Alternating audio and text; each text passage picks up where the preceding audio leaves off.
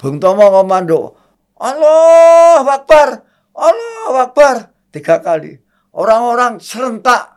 Ojo mundur, pokoknya nono serangan ayo kita ser- serang.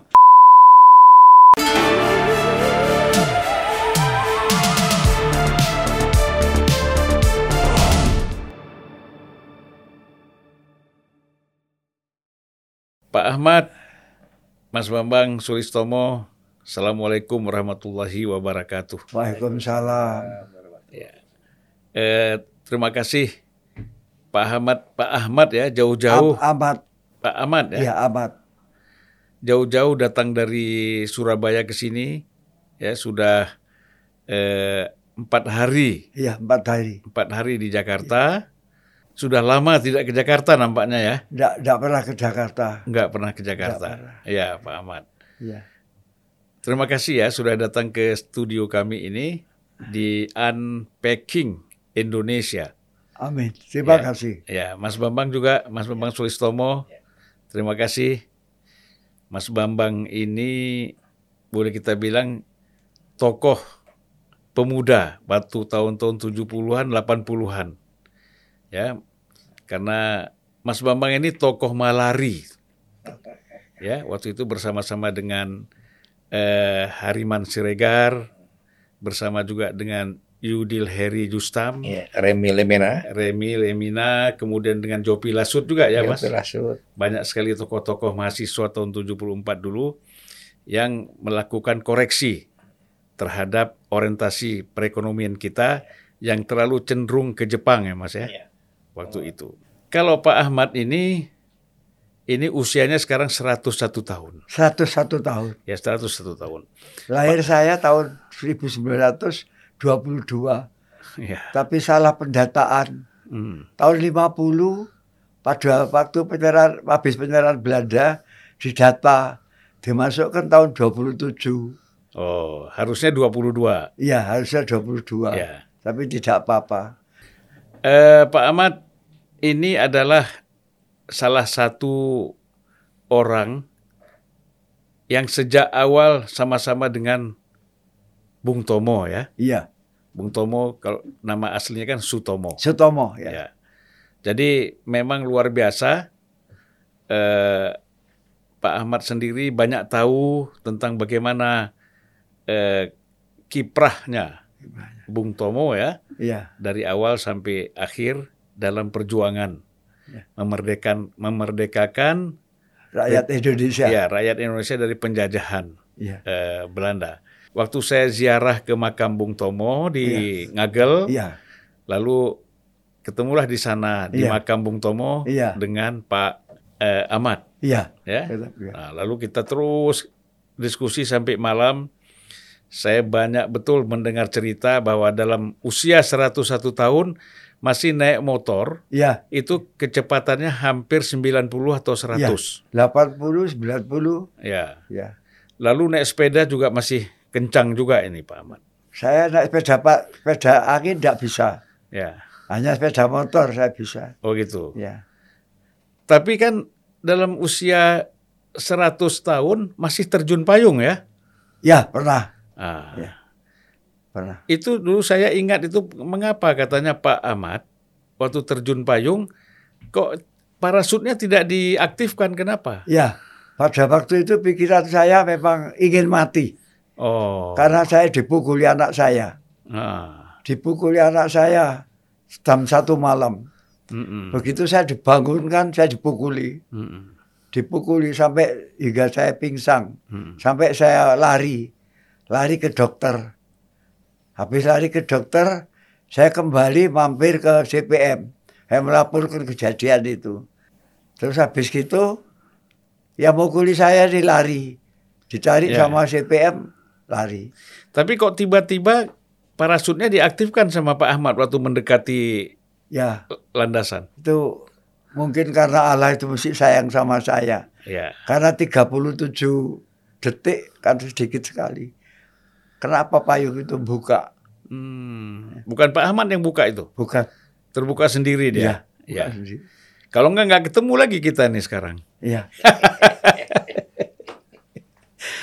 Baik Pak Ahmad, eh, tentu sangat menarik ya. Jarang sekali saksi-saksi yang masih hidup yang bisa menceritakan tentang perjuangan pahlawan-pahlawan nasional kita. Ya, ini, ini alhamdulillah kita masih ketemu dengan eh, Pak Ahmad. Tentu orang mau tahu nih, sejak kapan Pak Ahmad ini bergabung bersama Bung Tomo? Saya ceritakan pertama dulu. Ya. Tahun 42. Tahun 42 itu tidak tahu mesti bul bulannya tidak tahu saya karena waktu itu saya mesti ya boleh dikatakan anak-anak ya. Hmm. Tapi besar saya. Hmm. Ada berita bentar lagi ada Nippon datang. Ada Nippon datang. Hmm. Nah, orang-orang ini diperintahkan sama dari Pak Lurah, Pak apa merintahkan dari Pedono. Waktu itu belum kecamatan tapi si Pedono membuat pelindungan buat perlindungan, buat tanah dilobangi, dimasukkan. Tahu-tahu, ya itu Jepang datang itu. Pada waktu itu saya dibawa Jepang, hmm. dibawa Jepang, tapi bukan saya sendiri. Di kampung-kampung itu orang-orang diambili, dikumpulkan di pabrik, hmm. namanya pabrik gula di Balubendo. Hmm. Tapi lama-lama orang ini banyak dari Madiun, dari Solo, dari mana dikumpulkan. Hmm. Jadi kalau sore itu datang mengambil orang-orang Indonesia, ya termasuk orang Jawa lah, diambil, dibawa ke pabrik ribuan. Itu kemudian di situ dididik kemiliteran, dididik kemiliteran, dikasih pakaian kuning-kuning, ya, ya, tapi belum kasih sepatu waktu itu, dilatih, dilatih dilatih itu diberi senjata tapi dari kayu senjatanya. Hmm. dilatih.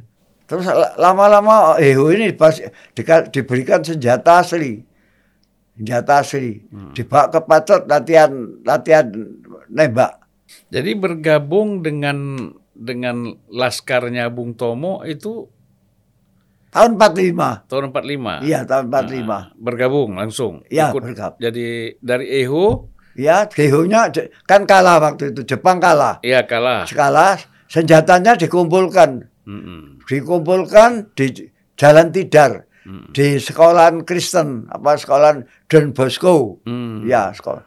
Senjatanya heho, senjata Jepang dikumpulkan.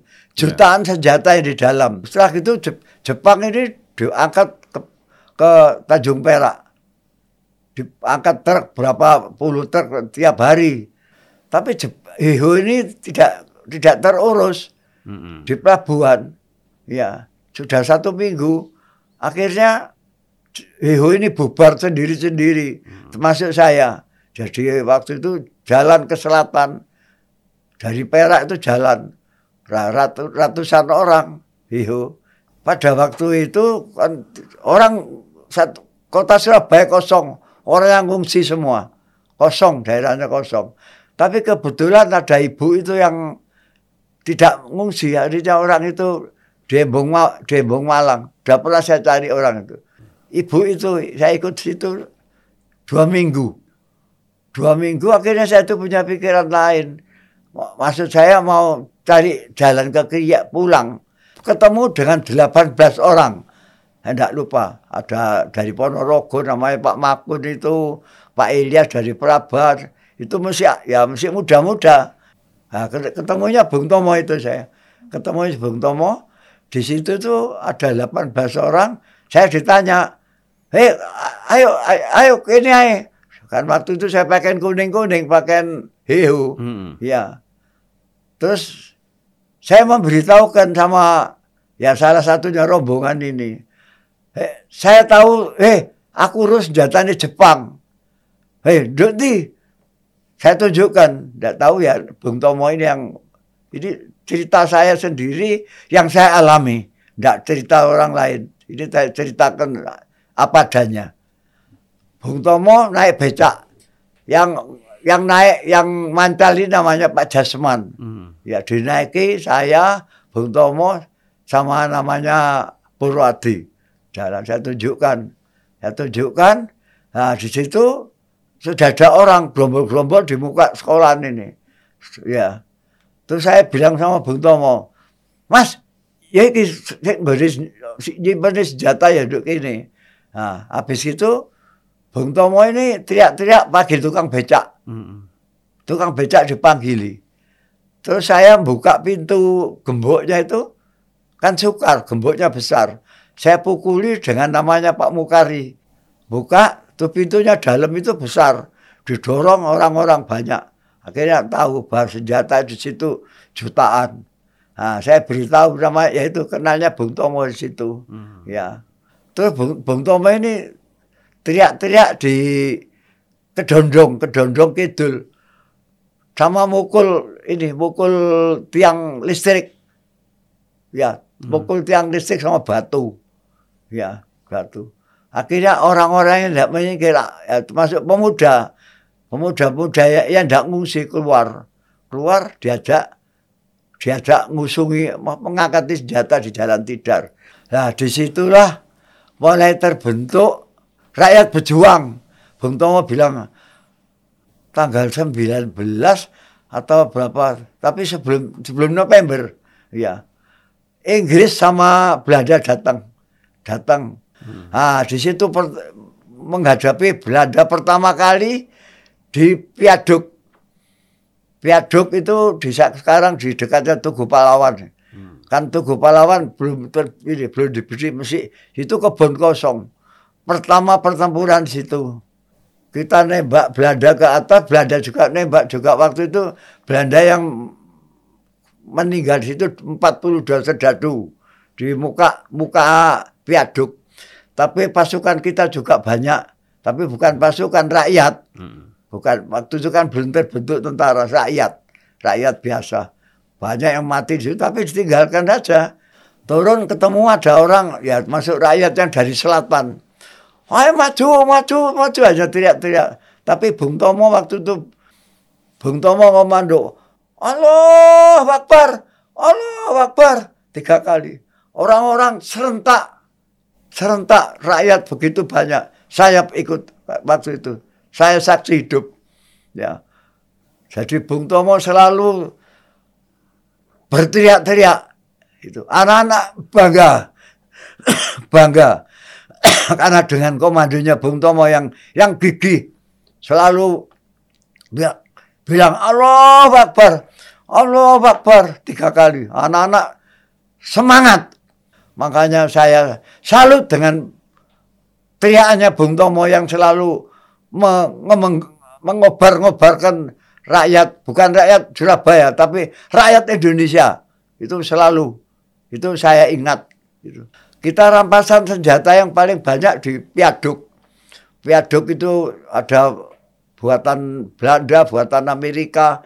Tapi saya tetap membawa senjata saya yang Eho, bekas Eho. itu. Ya, senjata yang ini keki Jepang.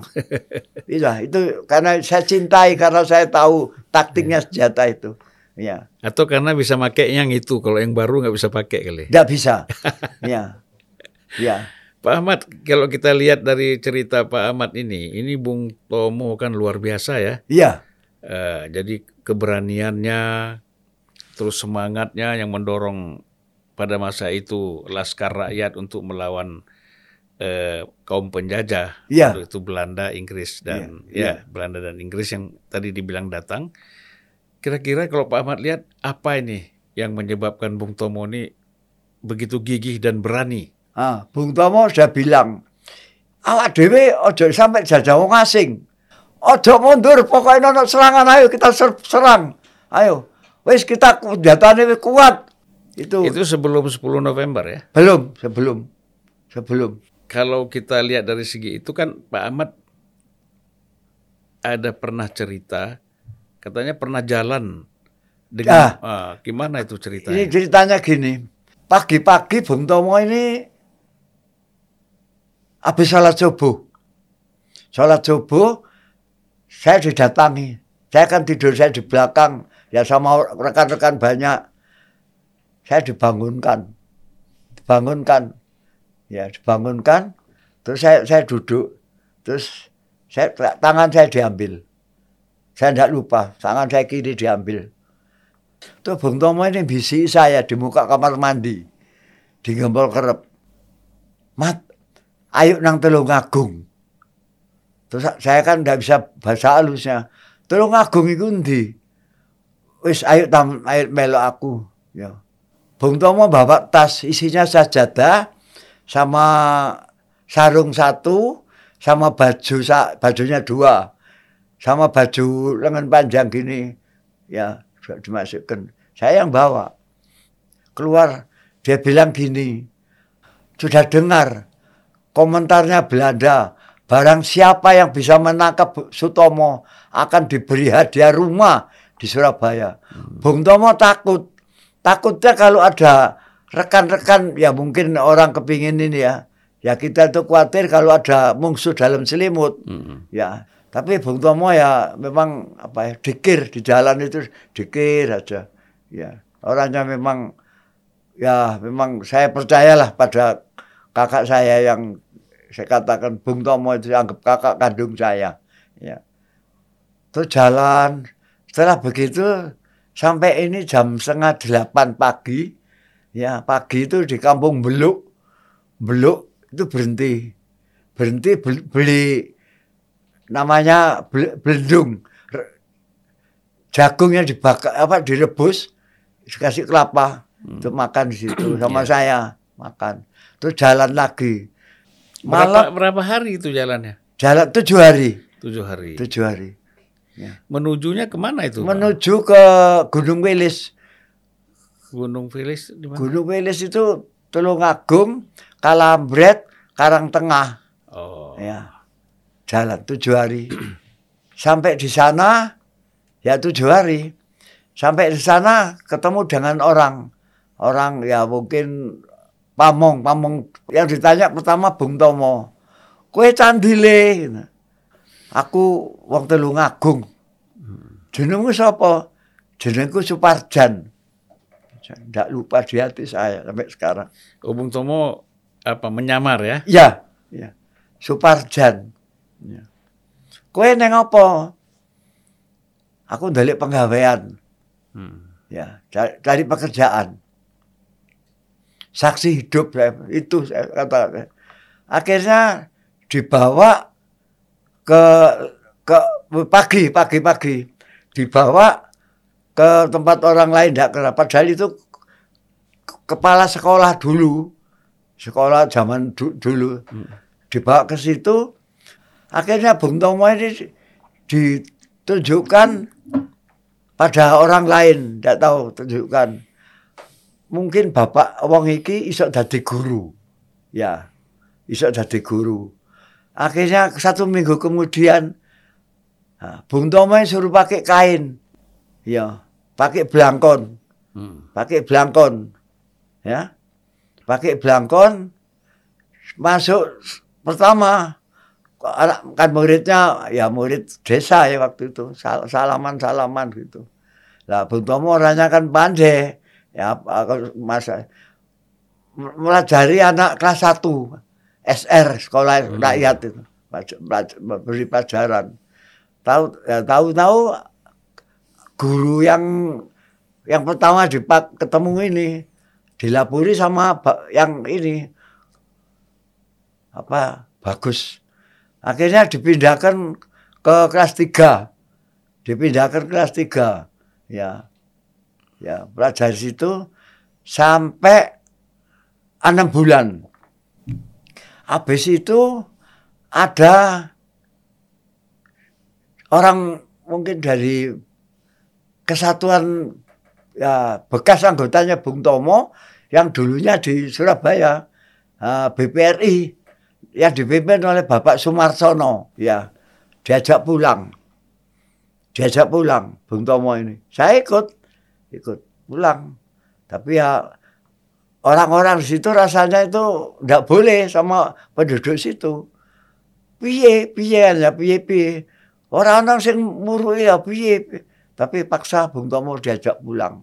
Hmm. jalan kaki sama batalion waktu itu belum belum terbentuk ada kesatuan tiga enam Poncowati hanya gitu aja ya ya diajak pulang di Balong Gebang Balong Gebang itu ada ya termasuk dari daerah Nganjuk. Balong Gebang, tuh Bung Tomo ini ditaruh di uh, tempatnya Pak Lurah. Pak Lurah namanya Kampung Ujung, Ngujung. Ya. Nah, saya ini saya diperintahkan sama Mat, apa mungkin nih sini aja. Nah, kan situ sudah kumpul sama bapak-bapak itu, Pak Sumarsono, sama Pak Sungkono, sama Pak Elias, sama Dakelan, Pak Dakelan, termasuk ya termasuk pucuk-pucuk pimpinan lah, ya. Tapi waktu itu belum ada pangkat-pangkat, belum ada. Hmm. Hanya pucuk pimpinan, pucuk pimpinan saja. Saya saya disuruh kembali ke namanya ke Pak uh, ke Karangsemi. Jauh Pak Sungkono di Karangsemi, Pak Sungkono ini. Saya diperintahkan ada 10, orang dikembalikan ke Karangsemi. Saya ikut, ikut aja.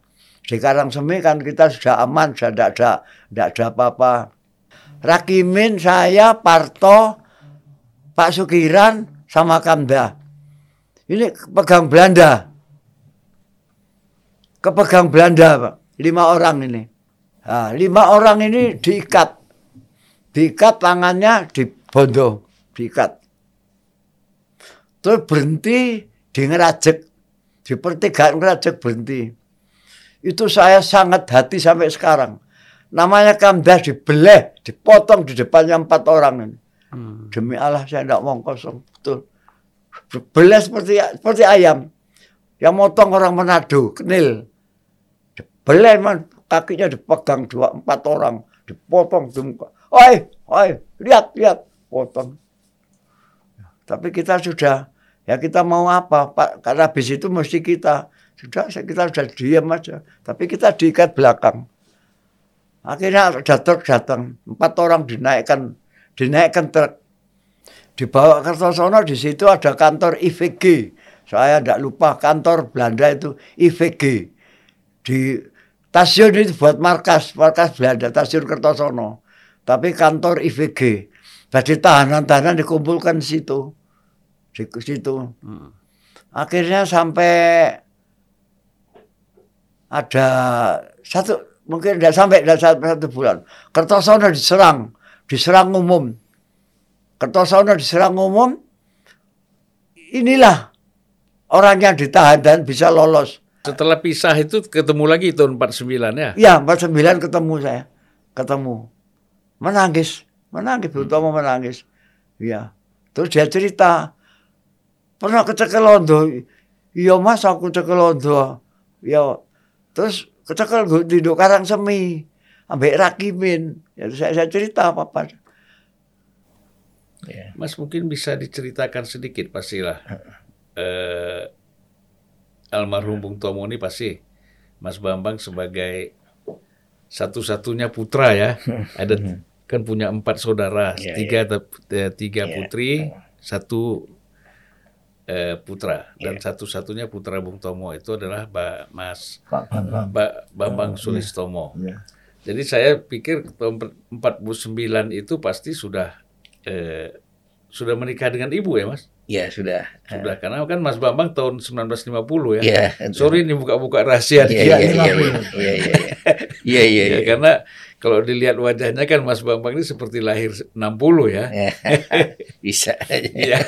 Jadi mudah-mudahan panjang umur. Insya Allah. Kita doakan. Amin amin. Satu amin, amin, Pak. Putra pahlawan nasional ya. Bambang Silo Sutomo. Ya. Saya doakan panjang umur. Amin amin amin. Bapak Sudio saya doakan panjang umur. Iya. Terima kasih Pak. Iya. Jadi kira-kira yang membuat kan ada dorongan mm -hmm. eh, Bung Tomo ini betul-betul terjun di tengah-tengah eh, rakyat masyarakat yeah. ya untuk melawan penjajahan ini dan memerdekakan bangsa yeah. kita itu apa mas yang mendorong paling pokok? Iya, yeah.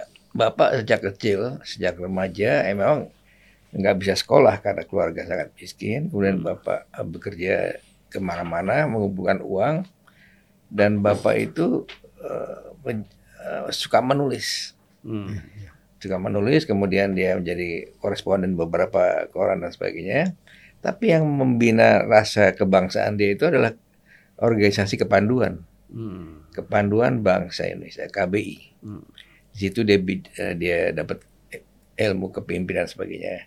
Dan bapaknya itu suka mengajak bapak eh, Bung Tomo itu eh, ke tempat diskusi-diskusinya Dr. Sutomo Hmm. yang rumahnya di Surabaya itu kan jadi Iya. diskusi, diskusi Parindra lah.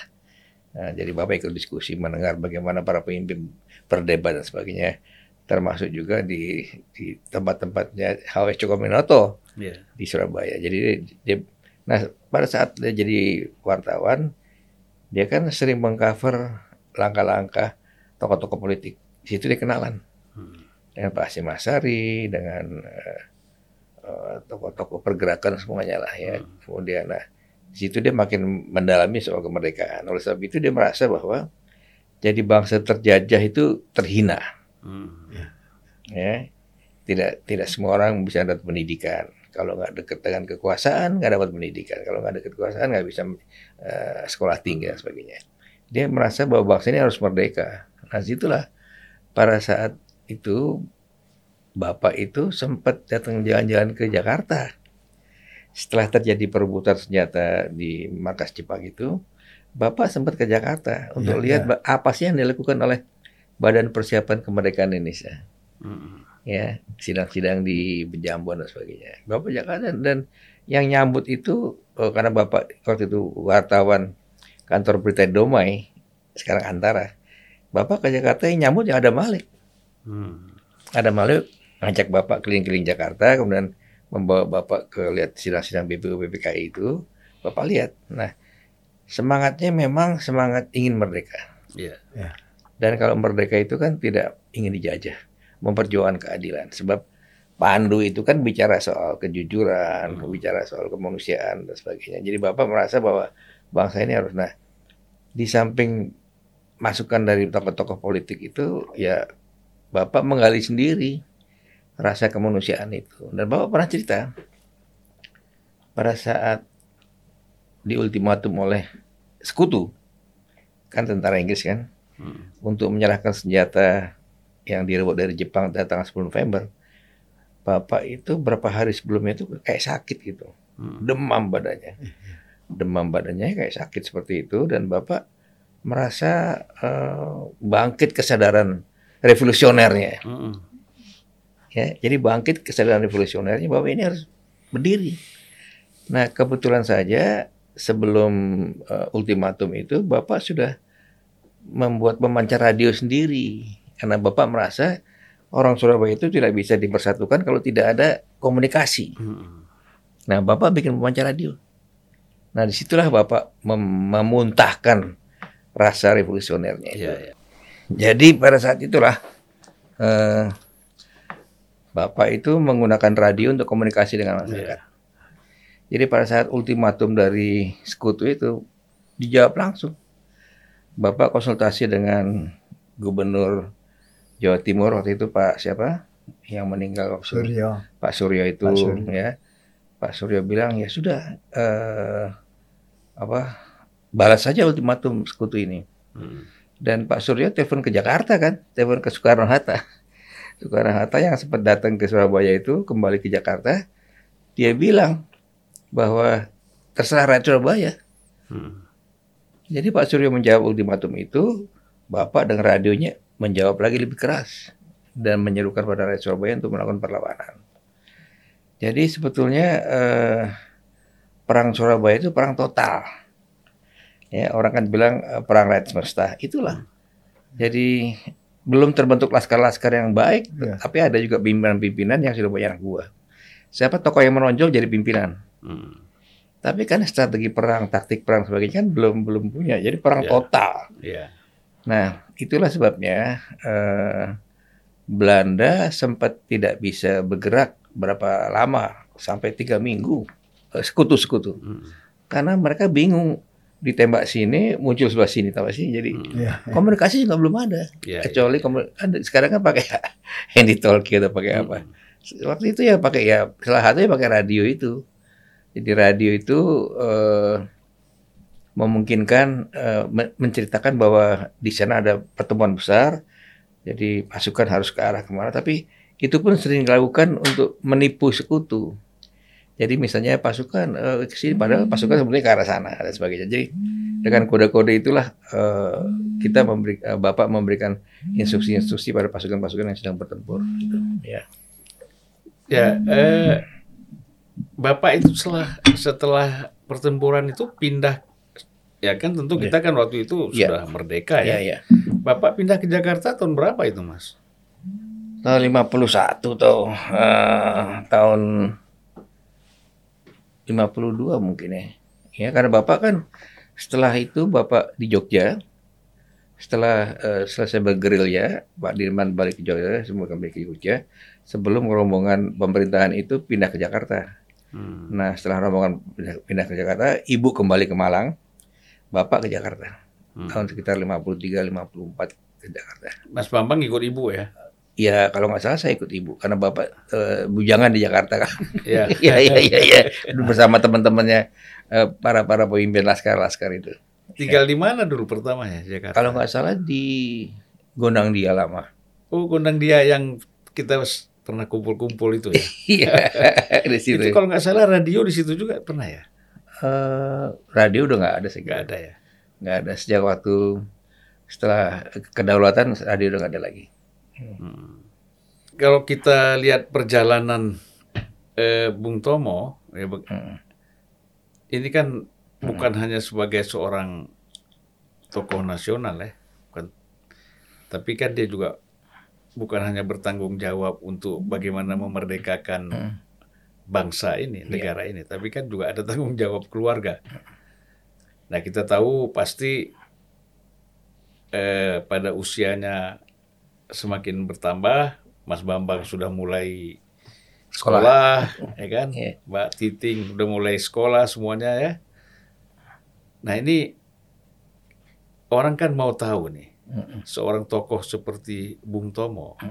Kalau saya lihat kan, kalau bicara dari segi pendidikan, anak-anaknya ya relatif selesai semua di Ya. universitas ya. Alhamdulillah. Nah, ini bagaimana cara Bung Tomo ini melakukan pembinaan terhadap Ah, eh. Mas Bambang dan yang lain-lain di rumah ini gimana, Mas? Ya begini, Bapak itu menerapkan satu bentuk disiplin kelakuan itu sangat eh, sa- sangat baik sekali. Jadi kita dididik disiplin, disiplin waktu, disiplin dengan janji, disiplin dengan bermacam-macam itu. Jadi Bapak mengatakan apa pun juga kamu harus sekolah sampai selesai. Apa pun juga Bapak akan cari uang. Nah pada saat itu kan eh, tahun 56, 50, 55 Bapak sempat diajak jadi anggota kabinet eh, kabinetnya Burhanuddin Harahap. Ya, Ya jadi pejabat kan Kabinet Masumi. iya kan hanya sekitar 9 bulan atau 10 bulan ya.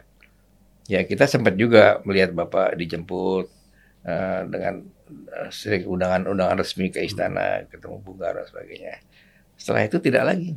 Setelah itu Bapak mencoba bikin partai tapi partai kecil. Nah, jadi Bapak memang eh, tidak ada usaha lain selain selain membina kehidupan kebangsaan.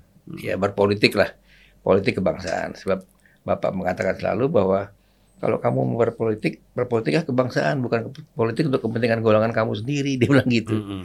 Makanya itu Bapak tidak mencoba, eh, meskipun punya partai, Ya, tidak bisa mengembangkan partainya itu dengan baik. Karena kalau dengan partai itu kan harus tawar menawar deal dan sebagainya. Nah Hmm. Bapak enggak.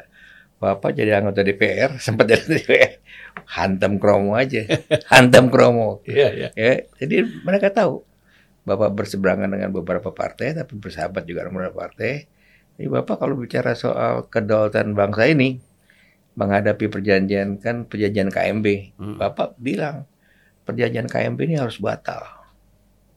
Ya, eh, karena kita terikat sekali dengan kedaulatan kita masih terikat. Jadi Bapak mengajukan mosi dan sebagainya disambut dengan eh, teman-teman partai yang lain. Nah, Bapak saat itulah Bapak eh, juga menentang konsep demokrasi terpimpin. Hmm. Bapak tentang itu, Bapak merasa kenapa eh, DPR hasil pemilihan umum tahun 55 kok dibubarkan? Hmm.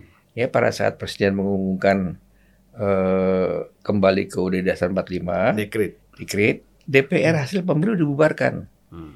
dan kemudian dibikin DPR gotong royong di mana yang dipilih, yang yang di yang diberhentikan itu partai-partai yang dianggap tidak bisa diajak kerjasama, Hmm. yang selama ini kritis, yang kritis. Ya. Maka dipilihlah orang-orang partai yang memang dianggap bisa kerjasama dengan demokrasi terpimpin. Nah, Bapak protes itu. Nah, saat itulah Bapak berbeda berbeda pandangan dengan teman-teman di pemerintahan. Tapi Bapak konsisten. Ya artinya konsisten itu ya ya, ya hidup seadanya lah. hidup seadanya. Tidak ada usaha lain ya selain ya Bapak sampai kemudian peternak ayam untuk menghidupi keluarga dan kemudian pensiun dari DPR dan sebagainya macam begitu aja. Iya. Tapi kita anak-anaknya terus eh, sekolah dengan segala dengan segala itu segala kemampuan kita harus sekolah sampai selesai itu. Tapi kan Bung Tomo juga saya eh, melihat sendiri ya bahwa s- sangat aktif juga Mm-mm. pada tahun-tahun 70-an Iya, itu terjun langsung untuk membela rakyat yang tanahnya Iya. diambil, tanahnya Iya. digusur, tidak dibayar, juga Iya. kalangan buruh yang diberhentikan Iya. tanpa pesangon itu kan Bung Tomo dulu seingat saya cukup aktif itu. Iya, Mas. karena memang itu konsekuensi daripada saat Bapak bikin partai politik. Jadi Bapak eh, mendapatkan pesan-pesan politik dari rakyat bawah Hmm. tentang masalah penggusuran, PHK yang sewenang-wenang. Jadi mau nggak mau Bapak harus tanggung jawab. Hmm. Karena pada saat pemilu itu Bapak menceritakan bahwa bangsa ini harus diatur lebih baik. Nah jadi masyarakat itu langsung nggak langsung mendatangi tokoh-tokoh partai Bapak di daerah dan minta be- pembelaan. Ya mau nggak mau yang dekat dengan pemerintah ya Bapak yang dikenal. Hmm. Sebab eh, Bapak punya modal tuh nama. Sehingga sehingga bisa membela mereka. Nah itu yang dilakukan Bapak. Ya. Sehingga kemudian itu yang yang diwariskan pada kita yang yang udah muda ini. Sehingga mau nggak mau ya eh, ya semacam semacam tubuhnya rasa tanggung jawab moral lah. Hmm. Ya kita kita, eh, kita nggak menghasilkan apa-apa karena kita kan pro bono. Artinya kita membela orang tanpa minta apa-apa ya. Jadi, tapi ada suatu eh, tanggung jawab moral yang yang, yang yang bisa kita rasakan nikmatnya itu. Ya, dan itu yang juga Mas Bambang lakukan sekarang ya. Dulu kan Anda juga seperti itu ya. Eh, Mas, pada zaman Orde Baru ya, Mm-mm. itu kan Bung Tomo sempat ditahan ya. Ber- Ya. kalau nggak salah saya bersamaan dengan Bang Buyung Nasution dulu ya. Iya. Eh, Tahun berapa itu Mas? tahun 70 eh, begini. Pada saat itu Bapak dituduh eh, bicara keras di depan mahasiswa Hmm. bersama Prof Ismail Suni Ya. eh, dengan eh, si eh, siapa yang wartawan senior Mahbub Junaidi Iya, Mahbub. Ah, ditahan tiga orang itu ya. Nah itu eh, Bapak ditahan selama setahun, setahun penuh. Jadi Bapak ditahan tahun berapa Mas? eh, 78 Bapak. Eh, bu- bukan bukan bukan. Saya 74. 79 ya? Iya itu ya, Hmm, ya 78 79. sedang rame-ramenya itu. Hmm. Jadi Bapak ditahan karena dianggap mengompori mahasiswa. Karena Hmm. Bapak waktu itu menentang pembangunan eh, eh, Taman Mini karena waktu itu eh, keuangan negara sedang sedang sedang sedang terbatas. Kenapa mesti bikin proyek yang besar seperti itu Hmm. dengan eh, dana besar? Jadi pada saat Bapak eh, zaman eh, Bung Karno itu Bapak menentang demokrasi terpimpin, Ya, zaman Orde Baru yang Bapak ikut mendirikan terus terang aja. ya. Ya dia menentang upaya-upaya pembangunan yang tidak benar, Hmm. pembangunan yang menghabiskan itu. Nah, tapi oleh sebab itu oh ya Bapak harus menerima konsekuensi itu. Ya, memang terus terang saja waktu Orde Orde Soekarno Bapak berseberangan dengan teman-temannya yang mendukung Bung Karno. Ya, ya. Orde Baru Bapak berseberangan dengan teman-temannya yang mendukung Pak Harto. Tapi itu adalah sikap Bapak yang yang yang terus terang Hmm. sikap orang Jawa Timur yang yang tidak membedakan eh, eh, siapa yang siapa yang berbuat salah, tidak membedakan siapa yang ber, ya pokoknya tidak membedakan itulah. Ya. Siapa yang berbuat salah ya ya harus diluruskan Bapak bilang gitu ya gitu. Tahun 81 ya, 1981 Bapak wafat ya Ya, di Arafah. Arafah. ya. Dan kita waktu itu saya sama Mas Bambang masih kita masih Berangkat duluan gitu ya. ya tapi kita kan waktu itu lagi aktif-aktifnya ya tahun 81 itu kan Bela rakyat. Nah, kita ke keliling-keliling Mm-mm. menangani kasus buruh dan Petani. Petani. Melawan mafia tanah waktu Iya, itu iya, ya. iya, iya. Tiba-tiba kita dapat kabar eh, Bapak meninggal di Saudi Arabia di Iya, Arafah. Betul. Seminggu atau dua minggu kemudian saya bersama Mas Bambang langsung berangkat ke Saudi ya. Iya. Iya, jadi begini. Eh, Bapak waktu itu pada suatu saat Bapak cerita saat dia mau menuju ke Masjid Sunda Kelapa itu dia mendengar azan. Ya. Dan dia merasa ada getaran bahwa dia ingin naik haji. Setelah dia sholat, dia kembali ke rumah di, di Masjid Sunda Kelapa. Dia kembali ke rumah, dia bulatkan tekad itu. Tapi Bapak berpikir dari mana uang itu? Sampai Bapak berpikir harus ngutang sama siapa? Berbetul. Jadi Bapak berpikir ya tertentunya dia akan cari teman-teman dia. Nah Bapak kalau nggak salah mendatangi Gunung Agung. Hmm, Mas Agung. Iya. Bapak menawarkan skripsi yang sedang ditulis nanti kalau selesai bisa cetak. Hmm. Bapak menawarkan buku-buku Bapak yang yang yang pernah diterbitkan itu karangan Bapak mau dicetak lagi di Gunung Agung. Sampai begitu. Hmm. Termasuk Bapak menjual lukisan. Sekarang lukisannya ada lukisannya aneh juga. Hmm. Udah keliling mana-mana balik ke saya. Hmm. Ada saya simpan lukisan Bapak itu ada ada gambar ibu, ada segala macam. Tapi lukisan tentang pertempuran Surabaya. Eh, sampai menjual lukisan itu. Maka Bapak Untuk ongkos pergi haji. Iya betul. Nah kemudian ya berangkat sama ibu, sama kakak saya, sama adik saya. Iya. Yang paling kecil kakak saya tertua berangkat sana. Nah saat itulah satu saat kami kami ditelepon sama teman-teman dari Saudi mengatakan bapak meninggal dunia.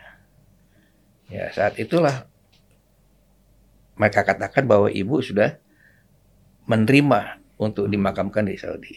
Saya bilang apa anaknya tidak boleh punya pendapat sebagai ahli waris. Saya konsultasi dengan teman-teman kan, Iya. ada Julfan, ada Yasri, Hmm, Ali, Yasril. To- Ali Toyib, Iya. ya, semuanya ya saya konsultasi dengan Buhori, Ustadz Buhori, ya mereka bilang anak punya hak untuk meminta bapaknya dimakamkan di mana. Ya kemudian saya katakan berapa hari lagi saya telepon dia bilang saya ingin bapak dikembalikan jenazahnya ke tanah air. Iya. Kenapa? Loh, kan bapak sudah meninggal. Sudah cukup baik di sana meninggal di sana. Tapi jenazahnya boleh dong dibawa ke tanah air. Hmm. Sederhana aja pikiran saya. Iya.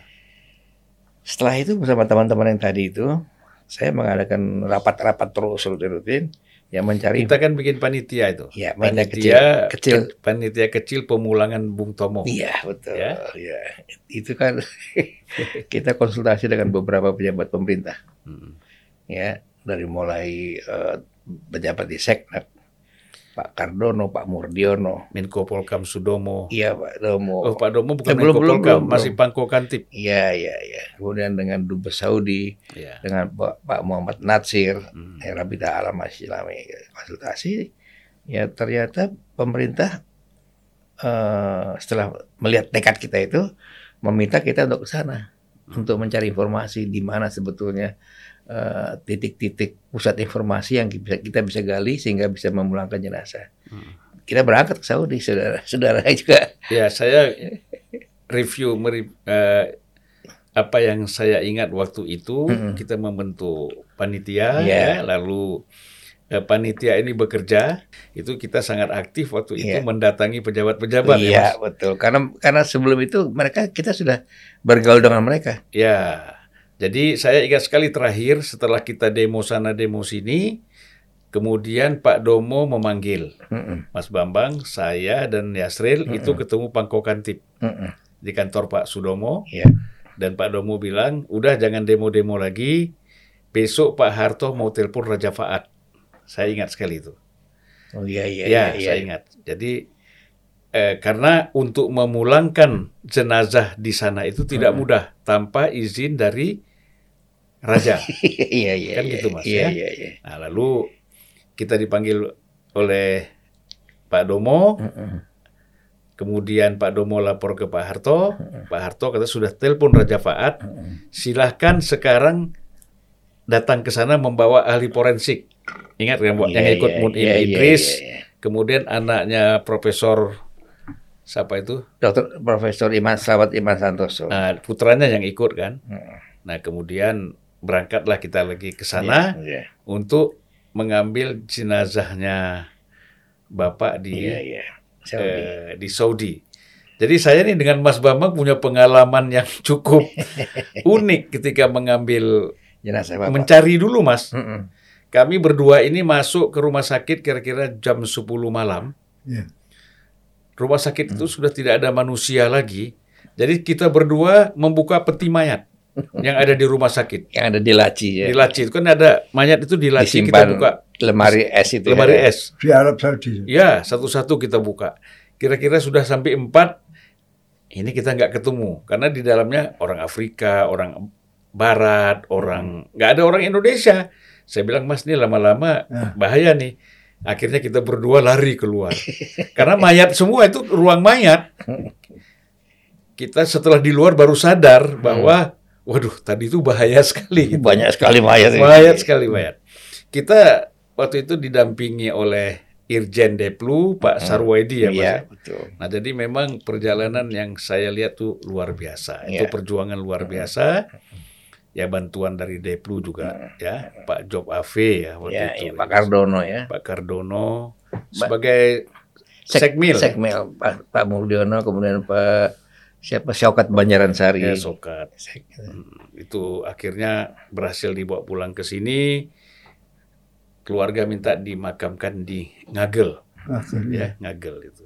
Makasih. Ya kita sama-sama dulu naik pesawat Auri ya, Hercules. Hercules memakamkan almarhum Bung Tomo di sana. Jadi alhamdulillah memang dasarnya kenapa ini adalah tokoh nasional, tokoh bangsa, ya kan pahlawan bukan pahlawan kecil, pahlawan besar dan betul-betul pahlawan. Iya. Oleh karena itu bukan hanya keluarga, tetapi masyarakat Jawa Timur itu berbondong-bondong datang ke rumah Mas Bambang ini di Jalan Besuki, di Menteng itu, Taman Suropati, Iya. untuk minta supaya Bung Tomo dikembalikan ke Indonesia. Itulah yang membuat waktu itu Pangko Kantip Pak Sudomo, kemudian sampai Pak Harto menelpon Raja Faat agar ini diizinkan untuk Iya. dikembalikan ke Indonesia. Itulah saya kira ya kalau kita cerita Bung Tomo ini nggak habis-habis mas.